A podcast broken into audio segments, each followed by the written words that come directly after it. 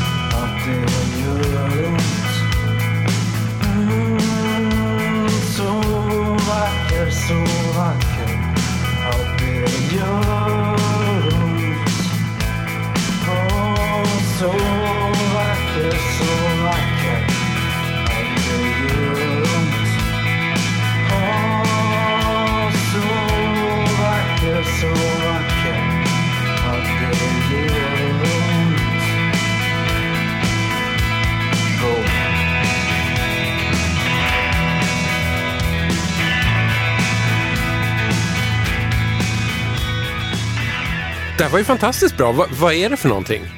Ja, det är ju åländskt. Det är liksom första gången för mig känns det som. Jag har aldrig hört åländsk indiepop eller vad vi ska kalla det. Nej, jag blev också väldigt överraskad och glad att jag fiskade upp den här. För det är ju verkligen just den här låten, eh, visserligen starkast på skivan, men jag har lyssnat på den om och om igen. Ja. Och den kan man inte höra mm, Det- några digitala kanaler. Nej, det är verkligen en bra chansning. Vi har alltså lyssnat på ett band som heter Good Evening Manchester. Låten heter Så vacker. Det här är inspelat 1986 Mm. och de är ålänningar och jag är knockad. Till och med lite alltså, åländsk pratsång där i mitten. Ja, så himla fint. Och det är ju speciellt att bara få höra åländska. Jag letade upp någon gammal intervju med dem från Yle, men då hade de nog precis börjat sjunga på engelska visserligen. Väldigt gulliga unga män som också är uppvuxna i- på den åländska landsbygden och, och pratar om just det där rockstjärnelivet som inte riktigt är tillgängligt för dem för de bor på någon gård med någon katt. Och Mm, Svårt att se sig själva i, i nitbälten och sånt. Samtidigt som de förstås drömmer om att göra karriär och det är därför Ja. de också väljer att börja sjunga på engelska så småningom. I låten som vi hörde nu och kanske Mm. på hela plattan, jag, jag har ju inte lyckats höra någonting av det här förut. Mm.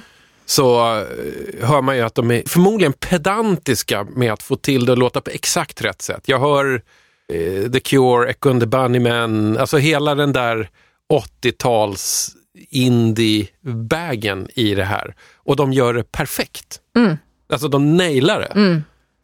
Precis, och hur många har inte försökt? Och hur mycket har man inte lyssnat på de som har försökt? Ja. Så hade jag vetat om det här när jag var yngre, eller ja, det spelar ingen roll för nu vet jag om det och har Ja. alla möjligheter i världen att lyssna på det. Men, men, men det hade ju liksom slagit igenom. Man, man blir ju lite förundrad över att det inte slog i, igenom så att du och jag känner Nej. till det sen Nej, men det är också lite eh, hur landet Sverige funkar rent kulturimperialistiskt. Vi tar ju in väldigt lite från våra grannländer. Mm. Medan de konsumerar det mesta som vi slänger ut åt dem. Precis. Jag vet inte om jag någonsin har hört ett åländskt eller ens finlandssvenskt band från den här tiden. Nej.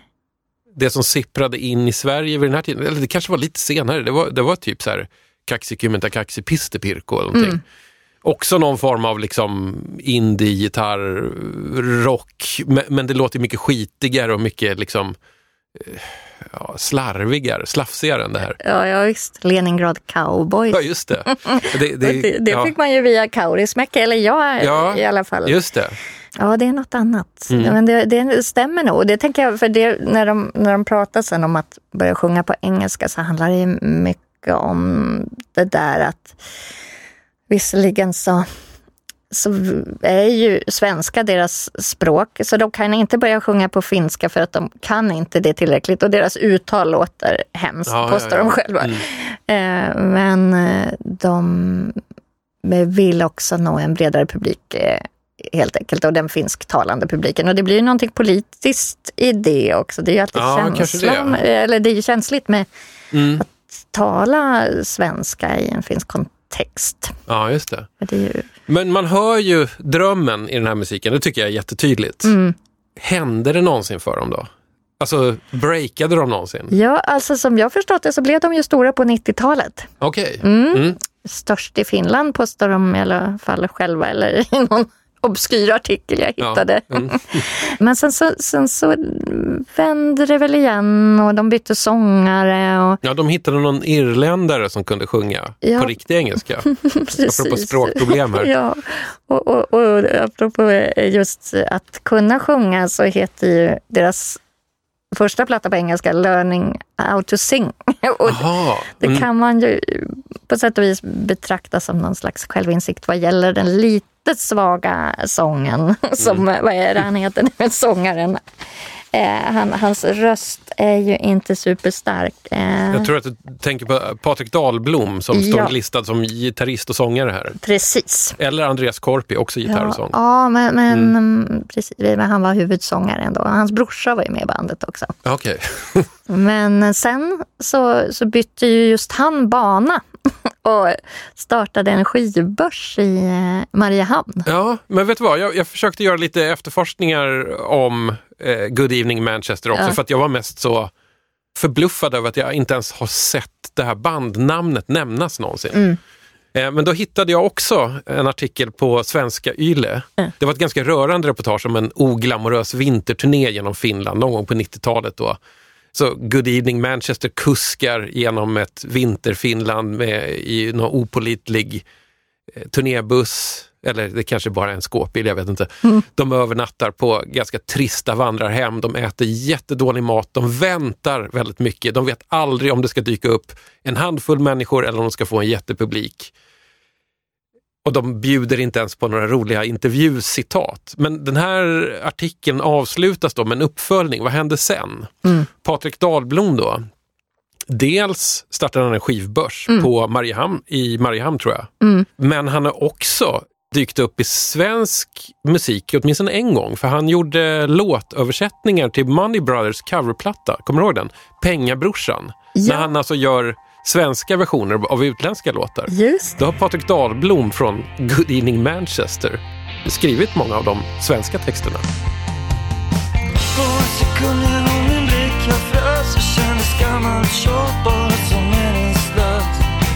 Så varför ligga här själv varje natt När du kan ta på mig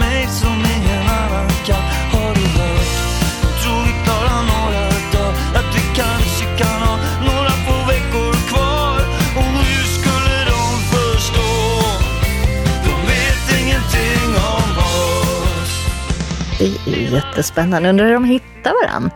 Jag har ingen aning. Eh, sen vet jag att Anders Korpi i det här bandet, han bor i Stockholm tror jag och han är någon slags A&R-boss på Universal Music Publishing idag.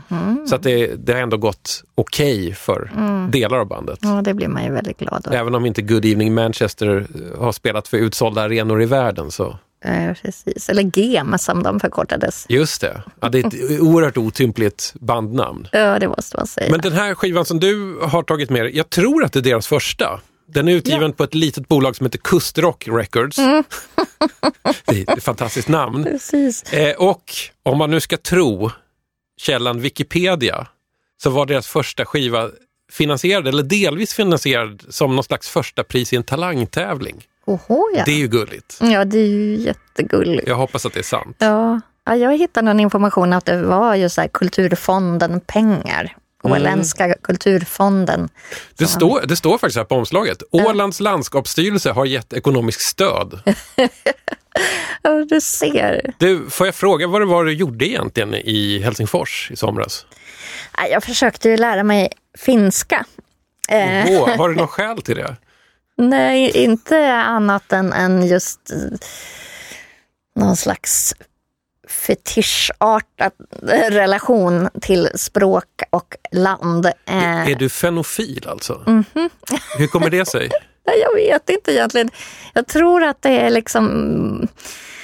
Dels att språket har den här fantastiska kombinationen av eh, utdragna vokaler och multipla konsonanter i rad. Eh, och ju är så omvittnat svårt att lära sig. Så det var ju en, ut, en utmaning förstås.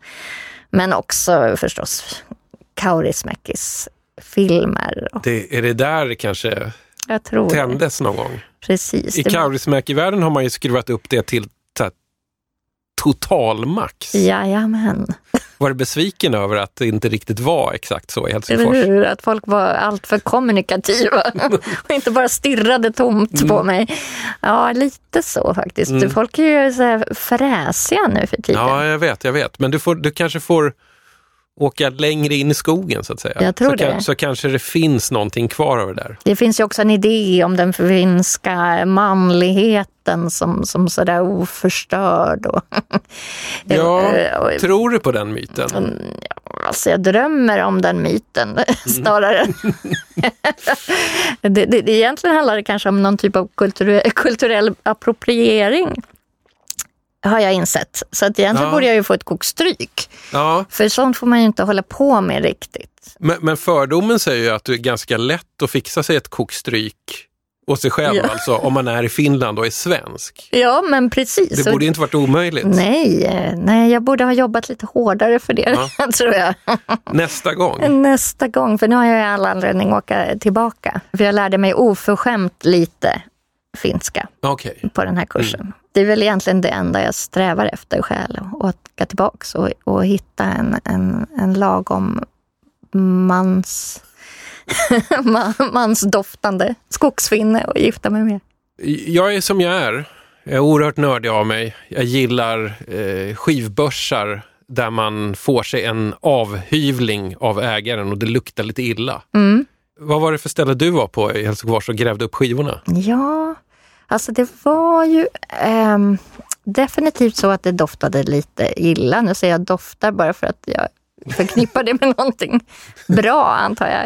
Eh, men, men välsorterat ändå. Det fanns ju modern vinyl Mhm. som de hade också. Och, och just på den här gatan jag var, nu kommer jag inte ihåg namnet på stadsdelen, men där fanns det ju flera skivbörser i samma kvarter. Mm. Så att, eh, jag vet inte om man törs kalla det för hipsterkvarter. Var det i, i Berghäll? Ja, Helsingfors Hornstull. just det! Precis. Nästa gång jag visar mig i Helsingfors ska vi åka på stryk. Av en hipster.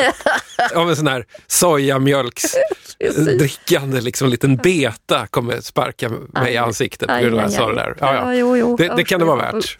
Men eh, det, det, icke desto mindre så är det ju underbart att vara i den typen av kvarter. Ja. Alltså, det är så, så skjut mig. Ja, jag vet. Jag raljerade lite nu. Mm. Nu har inte jag varit i Helsingfors på flera, flera år. Mm. Men, men det, är en, det är en ganska härlig stadsdel, måste jag säga. Det är ju det. Och, och på god väg att gentrifieras fullständigt givetvis. När du var där inne på skivbörsen, Mm. var det så att du slumpade fram en skiva också? Det är Ska klart vi- jag gjorde. Ska vi köra? Ja, det är klart vi ska. oh, nu får jag språktesta dig. Oj, oj, oj, oj, oj. Jag läst... På, på räkneord. Vad Åh. heter skivan? Herregud, ja, den- heter ju Toivekonserti 57, men fan. Visi kymmente seitsemän. Oj, oj, oj, vad du kan. Och Det är typ det enda jag kan. Men nu får vi ett svepskäl här för att eh, prata om den finska samlingsskivekulturen. Tahdon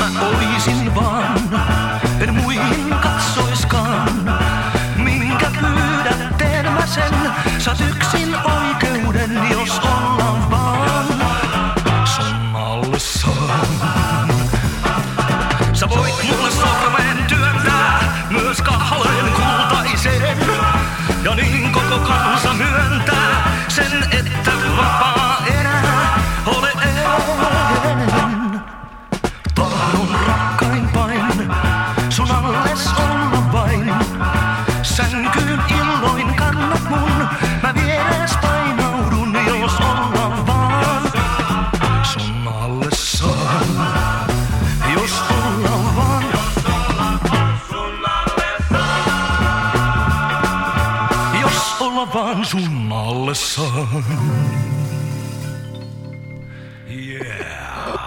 Underbart. Fantastiskt! Det var alltså rockkungen Pekka Lokiala med Nalle Karhu. Hur kändes det att få upp den här? Ja, men det var ju underbart faktiskt. Det är ju en rejäl bjussig vinyl. Ja. Önskekonserten 57. Jag Ja, antar att det, det. finns minst eh, 56 andra önskekonserter då. Ja, det måste ju vara det. Alltså, det, är en, det är en samlingsplatta. Vi hörde då en av Finlands första rockkungar. Mm. Pekka här, han sjunger nästan lika bra som Elvis. Det är makalöst. Han har också vunnit en tävling. Det här var, Har han? Ja, en, Vadå, en Elvis-tävling? En internationell Elvis-tävling. det här hittade jag på finska Wikipedia. Och Det var ett litet frågetecken efteråt för att källa saknas. Källa, feeling. Eh, Precis. Jag tror att det är, men enligt denna rad så skulle det ha varit i Kanada. Mm. Och, eh, Ja, nej, men alltså, jag hör honom här och jag tycker att det är fullkomligt rättvist om han vann en, en här Elvis, eh, vad heter det? Sounderlike. Ja, Elvis. Soundalike-tävling. Ja. Jag undrar om det även var lookalike, men, men jag tycker inte han var Nej. inte superlik. Nej. Vad tycker du om att eh, Teddy Bear översatt till finska blir då Nalle Karo? Ja, det är så fint. Det blir så gulligt. Och Karo, det visste jag ju sen förr att det betyder björn. Ja, det vet man ju från de här gamla gympadojorna. Jaha, jag tänkte på bärsen. Ja, såklart. Men ja, men jag, jag, är, jag ger sken av att här var någon slags träningsnarkoman medan Ja. du ger sken av att hänga på karaokepuben här nere. Och, Precis, och beställa en billig Karo. Ja, ja men, men just i kombinationen med ordet nalle blir det ju bara liksom förart. ja.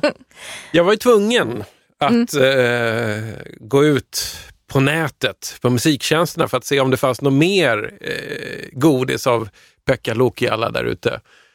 Det fanns det. Han har spelat in Tutti Frutti, Shake, Rattle and Roll, King Creole, Are You Lonesome Tonight, jättefint på finska, och massa andra liksom, rockgodingar. Och sen lite originallåtar också. Det verkar som att han också hängde med på den här rock'n'roll-revivalen som kom i slutet på 70-talet. Mm. För att han har teamat upp med band 1978 och gjort någon sån du vet, revival-platta. När allting skulle låta 50-tal igen. Just det, just det. Ja, han turnerar ju flitigt både i Finland och Sverige. Mm. Alltså det finns, finns några lyssnare där ute som, som har en personlig relation till Ja. honom. Alltså, jag blir lite omskakad av det här och jag blir inte minst omskakad av att det finns minst 56 till LP-skivor i Toive konsert i serien. Ja, Vad fan är det med Finland och samlingsskivor? Fick, hittade du några ledtrådar av det i Finland? Ja, egentligen inte annat än att det, det fortsatte sedan eh, efter att Önskekonserterna tog slut eh, och jag vet inte vilket nummer i ordningen som blev det sista så kom, det ju, kom ju den beryktade samlingen Finn Hits. Ja. Ska vi ta din Finhits på en gång? Ja, för 17 gubbar. Nu när vi ändå är inne på samlingsskivor och eh, Finland tycks ju vara de tusen samlingsskivornas land. Case in point, Finn Hits volym 1.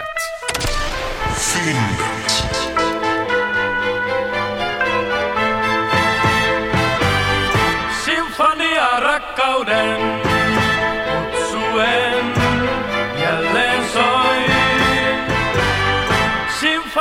rakkauden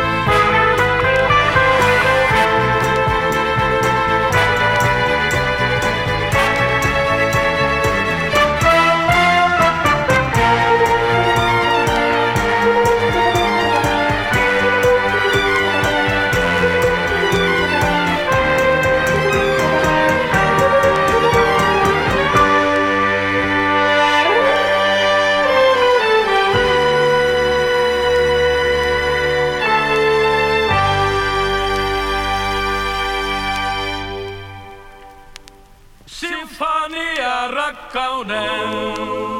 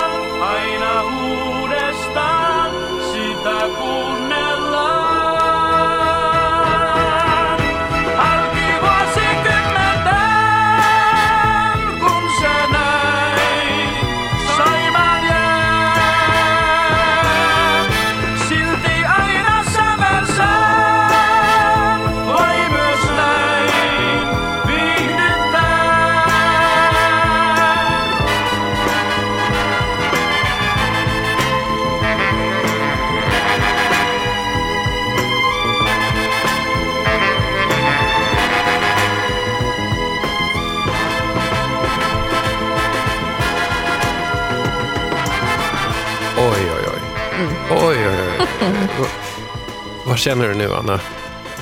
Ja, det är ju ren njutning alltså. Det måste man säga. Alltså just att den är så otroligt bjussigt. Både röstmässigt och armmässigt. Man fick väldigt mycket här. Det var Freddy, Rakkauden Sinfonia från Finnhits 1-samlingen. Jag vet inte om den här getts ut som en liksom, egen skiva någon gång. Jag har ingen aning.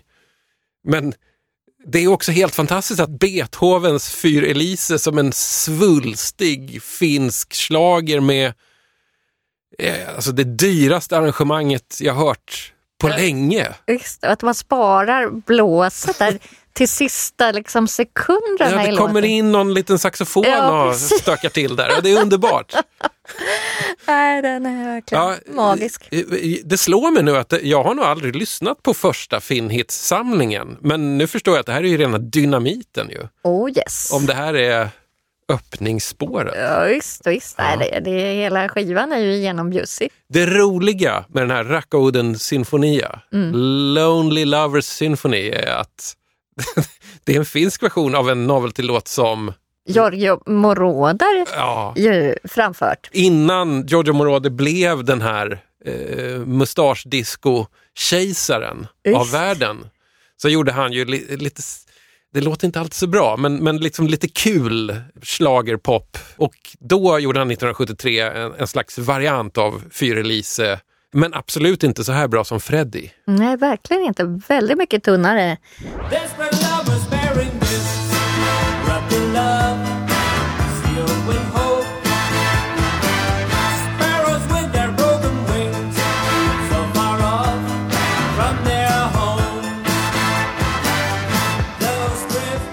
Och Freddy gjorde den ju, om jag inte minns fel, samma år. Ja, Så det var ju väldigt snabbt marscherat precis. av honom. Men då verkar han också vara någon slags universalgeni. Eh, Han verkar ju också ha varit verksam som komiker. Ja, han var väl liksom bara en allmän jättestjärna i Finland ett tag. Hade någon talkshow senare också. Och sjöng i Eurovision några Ja, gånger. Alltså, in, gånger. det gick inte så bra, men det Nej. spelar roll. Och han gick bort så sent som förra året. Jaså, var det det? Han var till och med gift med Helsingfors borgmästare. Just. Ja, och, och tydligen tog han sitt namn ifrån Fred Flintstone. Den här komediådran återigen. Eh, han har gjort många odödliga förfinskningar. Min favorit är väl den finska versionen av Magic Fly. Mm. Magic Fly som var en instrumental synt discolåt från 77 eller någonting. Ja. Han häftade på en finsk text på den och den blev Magic, som han sjunger i den.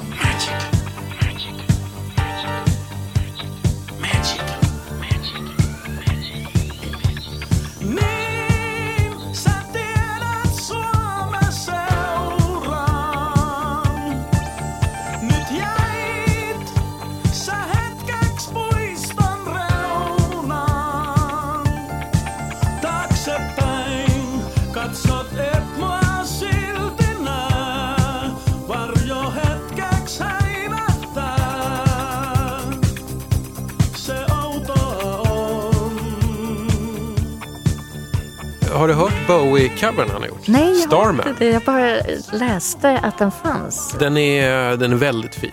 Ja. Den är väldigt, väldigt fin. Koniksensa kai. Tuo muukalainen kaukaa takaa linnun radan sai. Yli taivaan tietoisuuden taa. Hän milloin vain näin lentää valon nopeutta saa hän auttaa. Voisin, jos vain kypsä oisi. Tuo ymmärtämään ihminen. Jag, jag, jag blir väldigt varm av att tänka på Freddie och hans fina mustasch. oh, ja. Men du, eh, kä- känns det obekvämt ibland att eh, sitta här och frossa i det finska utan att liksom, så att säga ha rätt till det? ja, För jag känner ofta den skulden när, när jag har liksom hyllar det finska. Ja, men jag har inte riktigt gjort någonting av det. Jag försöker ibland överkompensera det lite med musik tror jag. mhm. Jag är ju så oerhört svennebanan Mm. på alla sätt. Du kan inte hitta någon mer svensk betaman än mig i hela universum.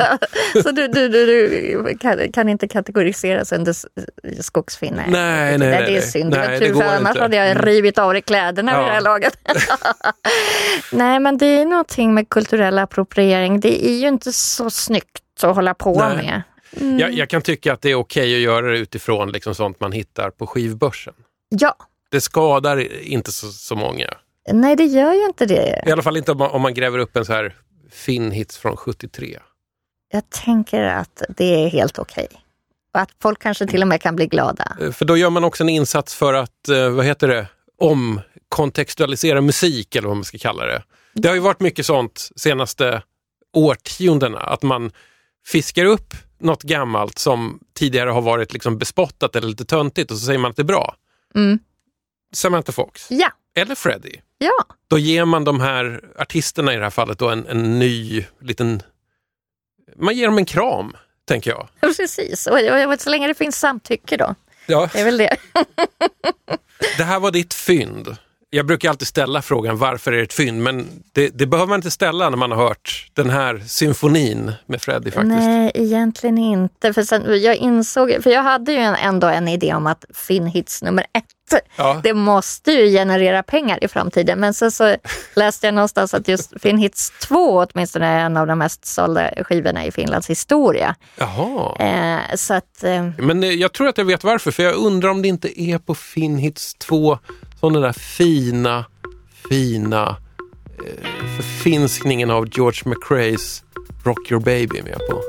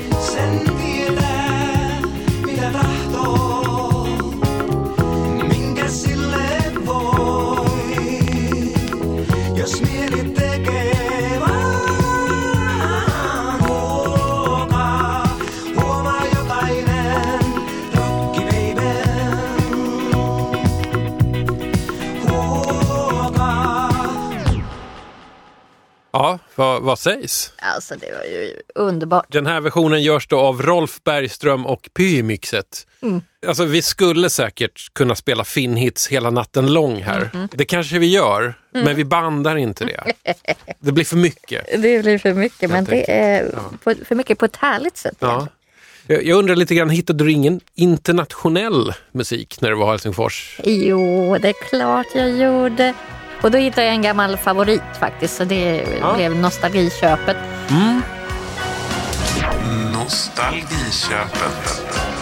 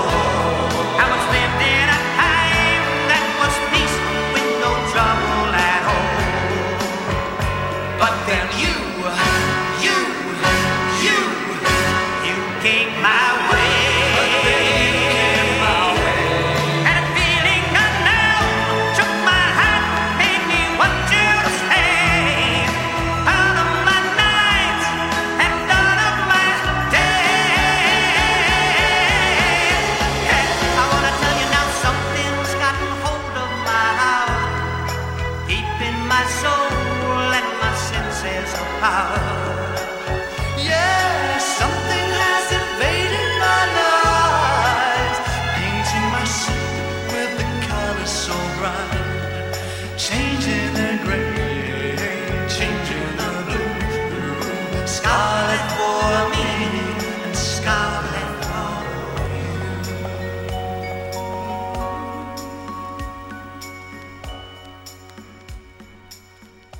Anna, lät inte den här helt plötsligt lite finsk? Eller är det bara för att vi har suttit och snackat om Freddy här innan? Ja, men lite så. Va? Man kan inte riktigt lägga den i något annat fack nu, för nu har vi det finska facket. Ja, men det, det... det, var någonting med den här stora känslan mm -hmm. och, och, kanske det, det svulstiga arrangemanget. Ja. Vi hörde i alla fall Mark Almond med Something's got a hold on my heart och Gene Pitney är med på ett hörn här också. Du har fiskat upp då Mark Almond-albumet The Stars We Are som jag tror är från 1988. Mm, det kan nog ja, stämma. Liksom Mark Almond efter Soft Cell. Ett tag så var han ganska stor så här, soloartist. Ja, och den här just eh, singeln låg ju etta på UK UK-toppen Ja. i fyra veckor eller vad det var. Ja. Eh, Jag, jag 89 min, var det. Ja. ja, precis. Jag minns Ja. att jag faktiskt gick och köpte den här singeln. det var så. Ja, och sen någon vecka senare så köpte jag Gene Pitneys liksom originalversion i någon slags nypress Ja. som fanns då. För att jag kände intensivt för det här. Mm. Vad har du för relation till Mark Almond? Ja, jag tror att jag på den här tiden, dels var det ju via Absolute Music då, som, som just den här låten Ja, det var så du hörde? hamnade Ja. i, i mitt sinne. Men, eh, men ja, det var mycket musik jag lärde känna via Absolute Music. Mm, man kan få bra musik från Absolute Det Music. kan man faktiskt. Morrissey eh, var också en sån artist, det, får man ju, det törs man ju knappt säga. Eh, Det får man inte säga i det här landet Nej. längre. Precis. Var han med på en sån? Ja, visst, han var, det var The Last of the Famous International Ah, okej. Playboys. Det är Så var- ungefär exakt samtidigt som den här. Ja, det kan, undrar om det är samma nummer. det borde jag ha kollat Ja. upp. Men- Mm. Nästa fråga Anna, vad är det med dig och samlingsskivor? Precis, usch, det, det är nu jag ska avslöja att jag är en så kallad allätare. Ja. Den mest avskyvärda sorten Ja. i musiksvängen. Nej, jag vet inte. Jag tror att jag tycker om... Det finns ju alltid en idé bakom en samlingsskiva. Mm. Och det, det är ett smörgåsbord där man ju kan plocka ut det godaste och dyraste. Lite grann så här, om man är retrofilt lagd som jag, Mm. så kan det vara en otroligt bra ögonblicksbild av ett år av att så här, dra upp en så här Now that's what I call music Ja. 1986 och så kollar man vad det är för låtar. Så får man en känsla för vad som hände det året. På Ja, något sjukt sätt. Ja, precis. För att någonstans så har man ju den där musiken med sig, alltså då inte nödvändigtvis genom att man lyssnade på den samlingsskivan då och där. Men för att de där låtarna kom ju in i ens värld på Mm. olika sätt. Jag menar, eller radio då förstås, Ja. handlar det om. Ehm, Men, och, och då blev man ju präglad av dem. Ja. Och ibland så var de lite mer alternativa. Mark Almond var ju, han men- var ju en, en liksom person som stack ut. Ja. Eh, Inte bara röstmässigt utan stilmässigt. För min del så handlar det väl om att han kom till mig i en ålder när jag också var väldigt förtjust i de där sexuellt ambivalenta Ja. artisterna. eh, jag älskade Pet Shop Boys och sådana vars röster kanske liksom avvek från normen på olika Mm. sätt. Eh, Mårten Harket eh, är ju inte superqueer kanske som Nej. person men han, hans Men hans, hans röst var lite annorlunda på den tiden. Precis, det, det har jag nog egentligen fortfarande eh, kvar en stor kärlek till. Så. Ja, men för mig på den här tiden så var nog Mark Almond lite grann av en hjälte. Alltså jag gillade det här, jag vet inte om det var så sexuellt ambivalent, han var väl väldigt liksom tydligt homosexuell ändå. Var Jo, han inte det, det? det var han ju. Man tvekade inte. Alltså på den tiden så visste man inte riktigt hur det var med Pet Shop Boys, man anade. Mm, Mark Almond var bara, ja ja, så här, bring it on. Ja, jo. Eh, men för mig var han lite en hjälte för jag gillade ju synt, eh, pop eller även hårdare synt. Men det jag inte gillade i den genren var ju till exempel att Depeche Mode var ett så fruktansvärt osexigt band. Mm. Alltså de ville vara sexiga, Mm. men det blev ju inte så sexigt. Nej, det är så konstigt. Men däremot den dagen då jag eh, på inrådan av någon bättre vetande gick och köpte mig ett exemplar av Soft Cells Nonstop Erotic Cabaret. Mhm. Då var det som att man öppnade dörren till darkroomet och så här wow, det här Ja. är någonting annat som händer. Ja, För det, där blev det ju slisigt och fint och lite lätt illaluktande ja, i många låtar där. Ja, Sex är- Dwarf och alla de här. Ja, CD Films. Det var någonting annat som fanns där och det, det har jag varit så tacksam för att Mark Almond fick in i mitt lilla okyssta syntar-jag på den tiden. Precis. Ja, nej, det var märkligt att Depeche ansträngde sig och hade ju såna, alltså de där kedjorna. Det på kanske är bara jag som tycker det, men jag tycker aldrig att de var sexiga. Nej, de, de sjöng en massa om sex och de försökte med kedjor och BDSM-symboler och allting. Ja. Men det var som att lägga det på någon slags plastkroppar. Skönt att höra att du också känner det. Ja, men jag tror inte vi är ensamma här. Nej, Det hade ju inte. varit intressant att höra någon liksom propagera för deras eh, sexuella genomslag. Kanske Ja. i och för sig gay, han, eh, han kunde ju vifta på höfterna. Jo, det kan han. kan. Absolut. Men, men ändå, mm, Mm. svårt.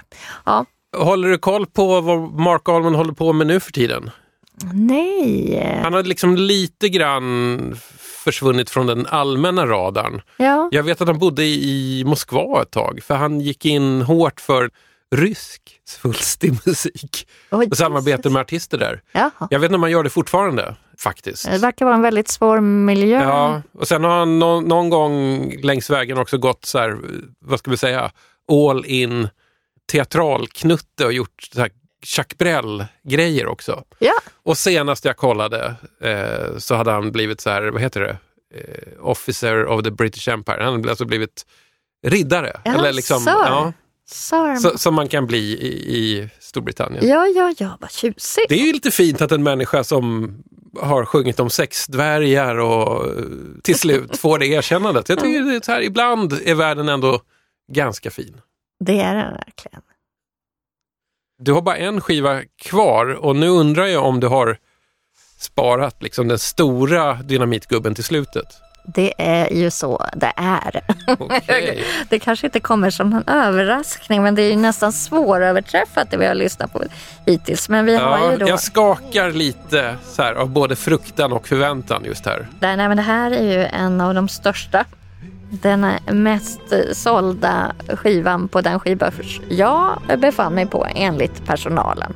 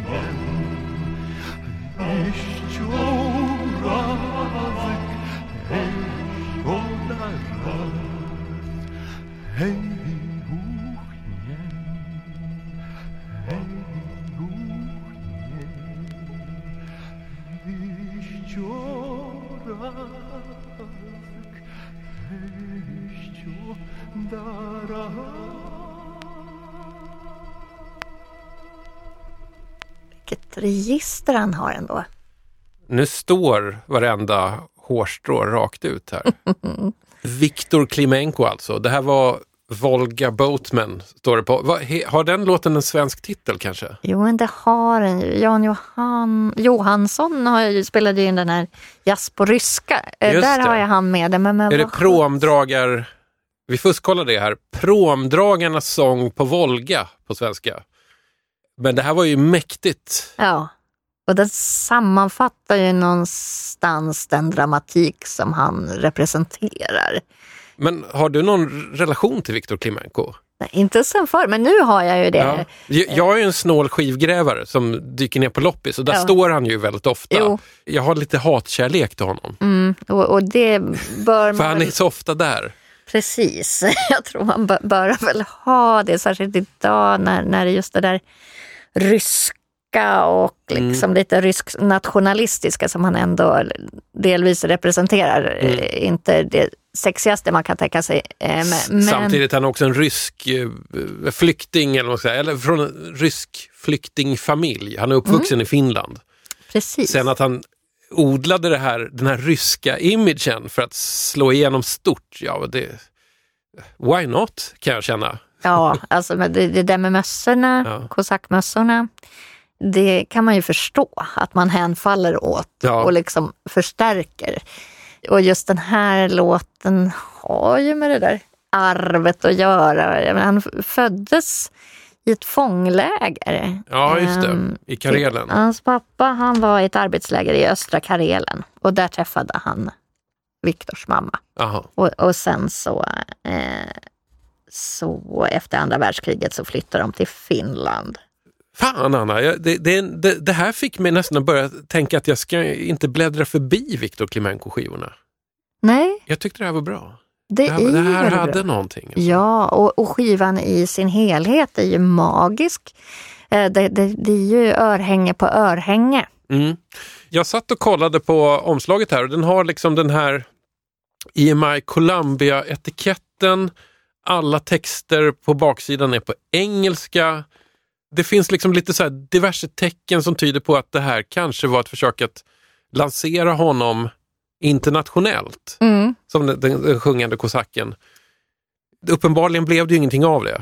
Men annars så tycker jag att de försöker verkligen sälja in honom. Om du, om du ser de första raderna där i säljtexten. Viktor Klimenko is one of the most famous artists in Finland. A talented actor, a magnetic showman, a many-faced singer. Det är bra sälj alltså. Jag menar någonstans så har de ju rätt.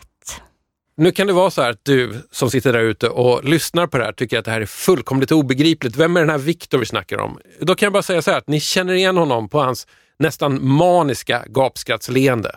På den stora cylindriska fårskinnsmössan. Den feta, feta mustaschen. Och innan han blev frälst, den ofta oblygt blottade ultramanliga bringan med precis lagom mycket hår på. Eller vad säger du? Det är så man brukar känna igen Viktor Klimenko, i alla fall innan han blev kristen. Att det, det, det är någonting väldigt eh, utåtagerande, sexigt med honom på något så här kosackaktigt sätt. Definitivt. Även på det här omslaget. Här, här är det ganska påklätt ska jag säga, men eh, man får ju mycket Viktor Klimenko-ögongodis här. Han sitter ju på en häst till exempel. Exakt, och i tajt polotröja, Ja. Men stor mössa. Vad vet du om Viktor Klimenko egentligen? Ja, alltså det, det var ju svårt att inte börja rota just i hans levnadsöde. För man fick ju en känsla av att här finns det mycket att ösa ur.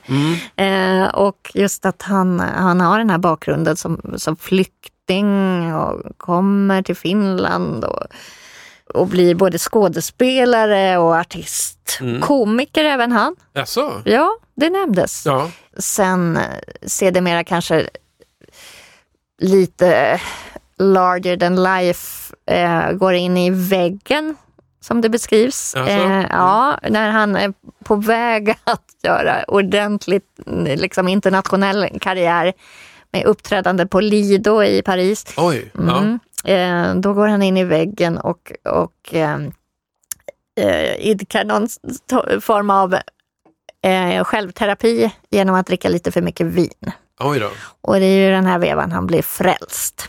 För sen efter att det har hänt, då, är, Ja. då handlar ju alla hans skivor om Jesus.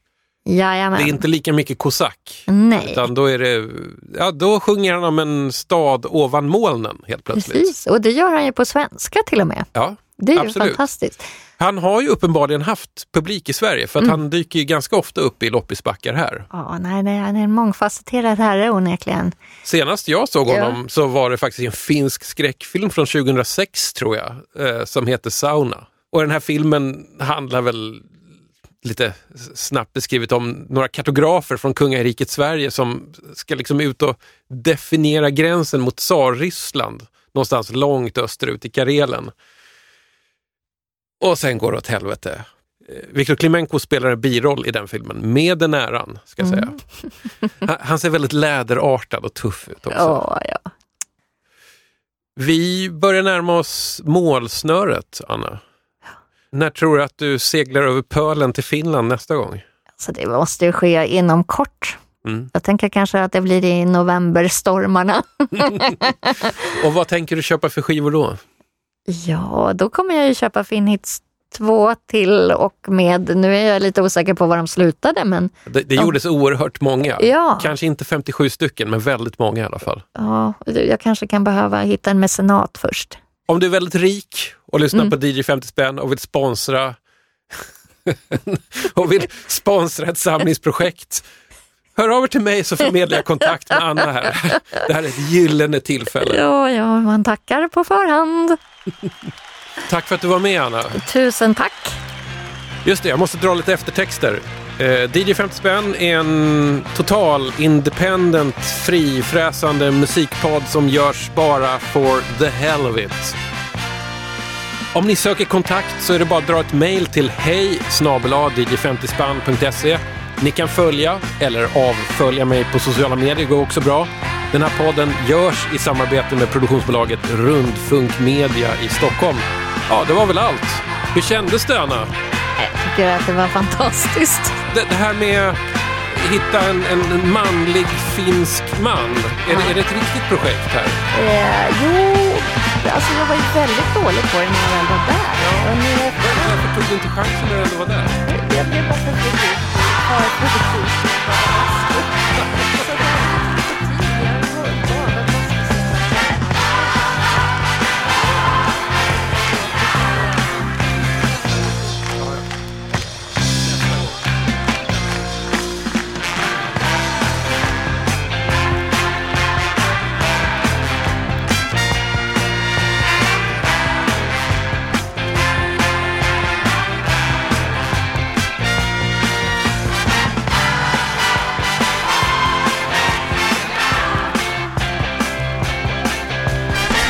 Storband innehåller oftast fem saxofoner. Två altar, två tenorer och en baryton. Först ska vi lyssna på altsaxofonen som spelas av Arne Domlerus.